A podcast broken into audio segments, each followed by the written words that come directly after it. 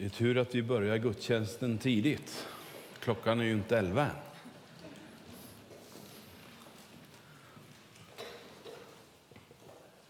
Vad härligt att se er. Allihopa. Jag vet inte hur ofta du brukar gå i kyrkan. Om du alltid har gjort det, som jag. Jag var väl ett par år när jag började. Och så var det lite mindre några år i tonåren. Och då var jag ute och härjade på bandyplan, ibland även under gudstjänst. Och mamma och pappa de blundade med ena ögat och sa, ja gå du, sa de. Och sen beslutade jag mig också. Vad häftigt. Att få se er.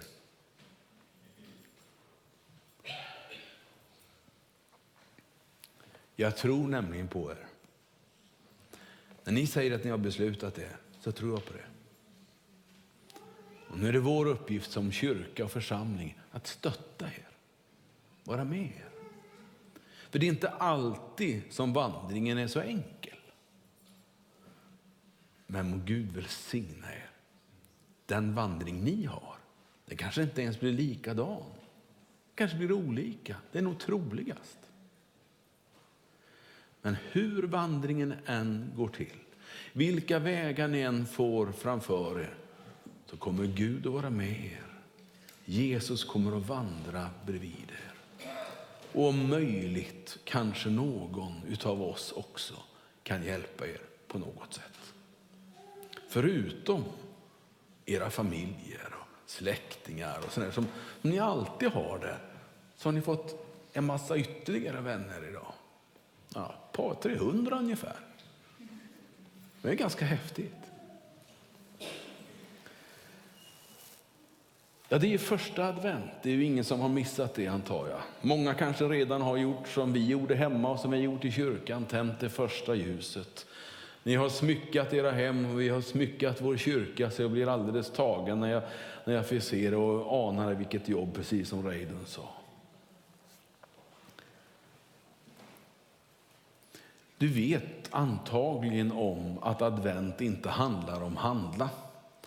Att advent inte handlar om att gå i affärerna, även om en del gärna skulle se oss där allihopa idag. Utan advent handlar om Herrens ankomst. Det är det det handlar om. Jag ska ta bort den nu alltså. Från kyrkans tidiga historia så kan vi förstå att det här handlar om en slags fasteperiod på ungefär sex veckor. De första tusen åren sådär. Hyfsat bra tid tycker jag. Då var det en fasteperiod före jul, precis som det var en fasteperiod före påsk. Och påskfastan, den håller vi kristenheten kvar vid. Men vi i Europa och det här västerlandet som vi kallar det för, vi har liksom släppt det där ungefär årtusen. Ganska prick faktiskt årtusen. Därför att det var då som den stora kyrkan delades i två. Den östromerska, eller den kyrkan i Konstantinopel och så den kyrka som styrdes från Rom. Och man var hur osam som helst. Och där någonstans, vid den perioden, där kom advent. Det blev fyra veckor istället för sex veckor. Och det blev vår förberedelse för julhelgen. Vi har kvar mycket av traditionen i julens adventstexterna. Där finns mycket av traditionen kvar. Och idag så ska jag påminna er om en av de texterna. En av de texterna som finns ända ifrån början. Som fanns med redan när man talade om att han kommer. Man talade om Messias utifrån det gamla testamentet, den judiska traditionen. Där lever saltartexterna på ett alldeles speciellt sätt. Vi älskar dem vi också, vi läser gärna saltaren. Och jag ska läsa tillsammans med er psalm 24 och säga några ord utifrån advent. Det är en psalm av David och jag läser de tio verserna som det här handlar om. Och ni kan följa med och läsa på väggen bakom mig.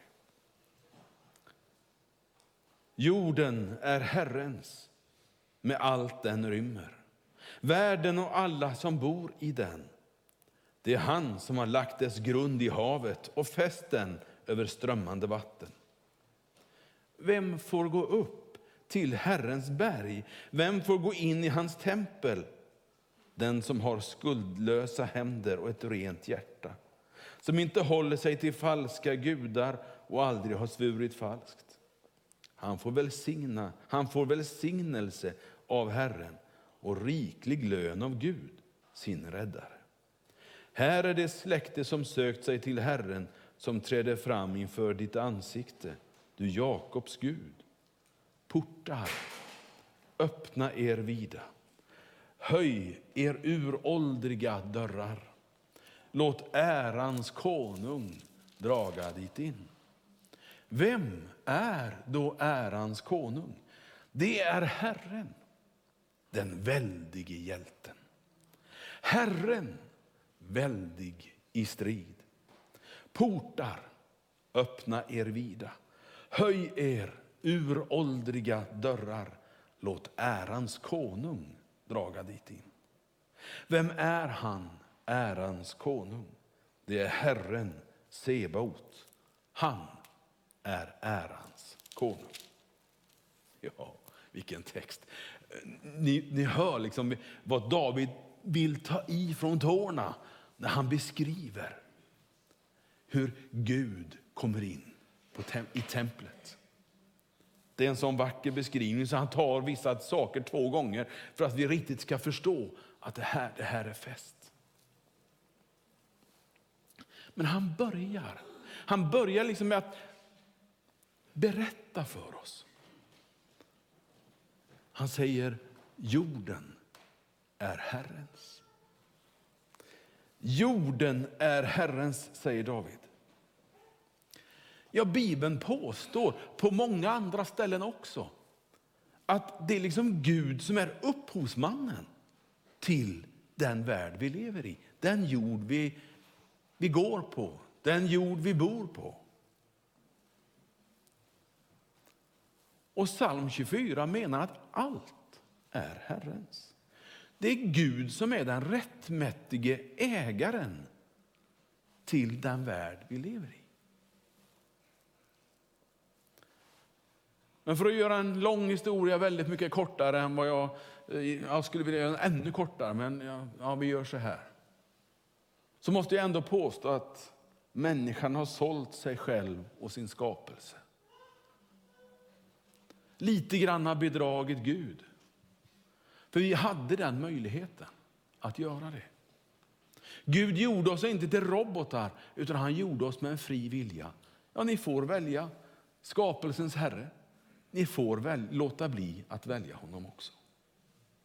Och väldigt många gjorde det. Och jag vill ju påstå att det inte är Guds fel att det ser ut som det gör med miljöförstöring. Det har vi fixat alldeles själva. Att det ser ut som det gör med krig och elände, det är inte Guds fel.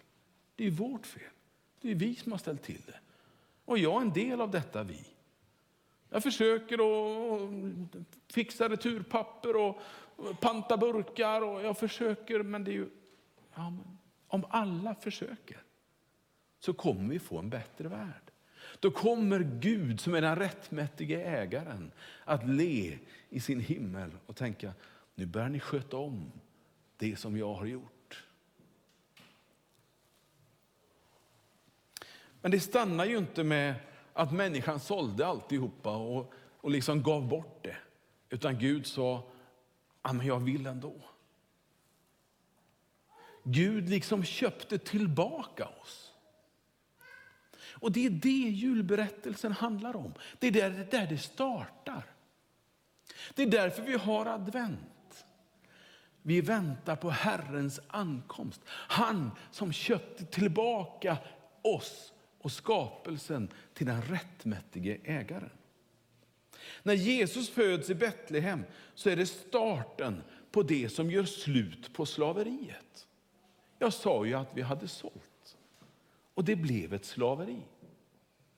Men Jesus kom för att göra slut på det.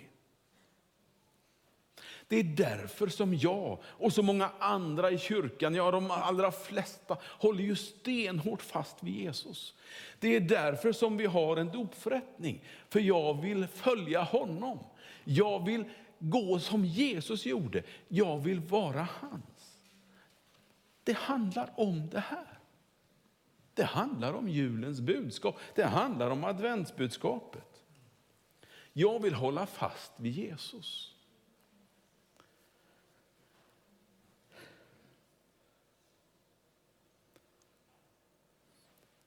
Texten har i vers 7 en sån fantastisk beskrivning. När David, liksom, ja, jag anar nästan att han ropar ut. Portar, öppna er vida. Höj er uråldriga dörrar. Låt ärans konung draga in. Ja, konungen kommer, läser du i evangelierna. Så du vet, det här att det, det var fasta i före påsken, före julen. Ja, det, vi känner ju igen texterna. Det är ju samma texter. Jesus kommer och drar in. Det är ju samma texter i påsk. Det är därför att han älskar att få göra detta. Att få komma in i en människas liv. När de ropade, när Jesus kom ridande på en åsna, då var det Hosianna de ropade. Det var det vi sjöng. Det var konungen som kom. Men det var inte alla som fattade. Och samma sak var det i Gamla testamentet. Här är det arken. Den som var det synliga beviset på Guds närvaro på något sätt. Arken som hade de tio stentavlorna, hade till och med Arons stav. Det var ett heligt föremål för judarna på Davids tid. Den kom till Tempelberget till templet. Eller till temp templet fanns ju inte på Davids tid, nej jag vet. Men tempelberget i alla fall. Och när man sen sjöng den här salmen, då var det templets portar som man tänkte på. För Gud skulle komma dit in. Så konungen kommer, var förvissad om det. Ha tro och tillit till det. Jag skrämmer dig inte med att han kommer. Jag tröstar dig. Jag vill berätta för dig att det är slut på slaveriet. Konungen kommer. Och när han säger sitt slut på slaveriet, då är det slut på slaveriet. När han säger sitt befriad är du, då är du befriad. När han säger sitt jag älskar dig, så jag ger mitt liv för dig, då gör han det bokstavligt talat. Och nu det bästa på hela predikan. Det kommer med en gång, höll på så här, slutet av predikan. Öppna porten på vid gavel. Den uppmuntran vill David ge dig och mig. Du vet ju hur det är. Jag bor ju i lägenhet en vecka till är det väl, 14 dagar någonstans. Sen ska vi flytta in i ett hus. Och I de här lägenheterna där på Långholmen där vi bor, eh, på Skövdevägen där, där finns en sån här säkerhetskedja. Vet du. Så man kan liksom sätta fast den där och så kan man öppna lite grann. Om man är lite osäker på vad det är för en som står utanför. Och så kan man kika ut och de får liksom kika in lite så här. Det är inte att öppna på vid gavel. Nej, salmisten vill uppmuntra oss att öppna för konungen kommer. Och, alltså, jag kan ju lova dig, om kungen hade stått, alltså Karl den 16 Gustav tänker jag på nu. Om han hade stått utanför dörren så inte hade du öppnat med säkerhetskedjan på då och kikat ut lite försiktigt. Eller hur? Utan då hade du öppnat vet du, så det, det märks i hela komplexet där du bor. Det kanske till och med hade stått trumpetare inne och, och trumpetat. Ja.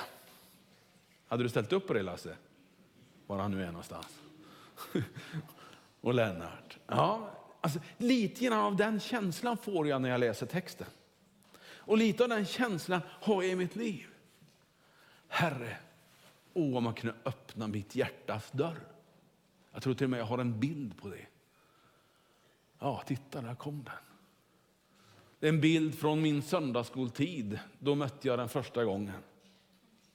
En bild som visar att han står där. Ja, det är konungen. Han har ingen krona. Han har ingen, ingen vacker utstyrsel. Det är bara Jesus. Ändå är han konungen. Ändå är han mästaren. Han är frälsaren.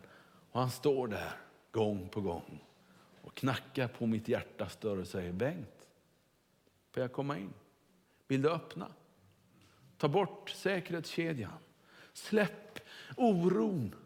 Låt mig få komma in i ditt liv.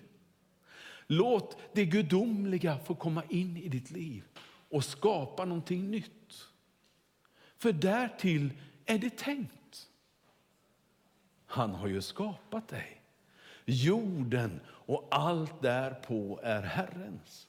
Och egentligen så är mitt liv det också. Men jag får liksom ge bort det ändå till honom och säga Herre, jag vill öppna. Kom in. Och så vill vi göra i den här kyrkan också. Alltså jag är så medveten om att ibland så, så talar vi om att vi har så höga trösklar till kyrkan. Vi talar om det i kyrkans ledningsgrupp. Eh, och vi är lite oroliga för att det ska vara så höga. Men alltså, jag har ju inte sett de där höga trösklarna ännu. Jag måste erkänna det. Eh, rent bokstavligt talat. Jag känner, vi är nyinflyttade, jag känner mig välkomnad. Jag tittar på när andra kommer, jag, jag ser att, att ni, ni tar i hand, ni säger välkommen. Jag kan inte tänka mig att det kan upplevas som stora trösklar. Vet du vad jag tror att det är? Och nu, jag sticker ut hakan lite. Men låt mig få göra det första advent. Tänk om det är hos dig som trösklarna sitter när du ska gå ut. Inte när du ska gå in i kyrkan. Tänk om det svåra är för dig att ta steget och närma dig kyrkan. Och inte i. Förstår du hur jag tänker nu? Jag skulle önska att om det finns trösklar här, att vi kunde såga bort dem. Det finns bra folk med, med, med sågar och med hyvlar och lite av varje här i den här församlingen. Tänk om vi skulle kunna göra det. Ta bort dem, där känslomässiga trösklarna som finns. Och att du vågar ta bort din tröskel så du kommer ut ordentligt, så du kan kliva in. För om du inte kommer ut kan du inte kliva in. Om du inte vågar ta steget ut ifrån dig själv. Om du inte vågar gå igenom din egen mur, din egen fasad som finns där som skydd i ditt liv. Så är det mycket svårare att komma in i en annan gemenskap. Så det skulle jag vilja uppmuntra dig till. Om vi fightas med våra trösklar, att du fightas med din mur, med den fasad som finns. För han är värd det. Jag menar inte att vi är så bra. Det är inte det jag vill säga. Jag menar inte att vi är värda att du kommer. Förstår du? Det, det har inte med det att göra egentligen. Men han, kungars kung, mästaren, frälsaren, Jesus, han är värd att du liksom släpper honom in. Det är mycket mera en vilje, ett viljebeslut än ett beroende på din kraft och din förmåga. För den kan växla. Det är inte alltid det är så enkelt för oss som människor att med vår kraft liksom med riva muren och ta sig igenom och komma in. Jag har suttit och lyssnat på berättelser som tycker, där man tycker det är lite svårt att ta sig in i en kyrka. Det är lite ovant. Man ska stå upp, man ska sitta ner, och man ska lyssna, och man ska prata och man ska ja, och så ska man ge pengar. Och, måste jag det? Nej, det måste du inte förresten, som en parentes. Det är helt okej okay att vara med ändå. Men tänk, tänk om det räcker med ditt viljebeslut. Mycket mer än din fysiska styrka eller mentala styrka. Mycket mer än din kraft och förmåga. Ditt viljebeslut. Herre, nu vill jag öppna min port för dig när du knackar den här adventstiden. den här jultiden. Så Gud välsigna dig att fatta det beslutet. Att ta det beslutet. Det går att göra det på stubben nu, om du vill. Det är helt okej. Okay. Det är ingen ritual vi behöver göra. Om du vill kan vi stötta dig med att be tillsammans. Men du kan där du sitter säga Jesus, jag vill. Kom in i mitt liv. Jesus, jag vill öppna min dörr. Och då blir nästa steg, så småningom, kanske nästa helg, jag vet inte, eller nästa år, det blir att göra som ungdomarna, gå i dopgraven. Det är så det går till. Det är så det funkar. Enkelt men rätt upp och ner. Gud välsigna dig att den här tiden öppnar din dörr, ditt hjärtas dörr. Amen.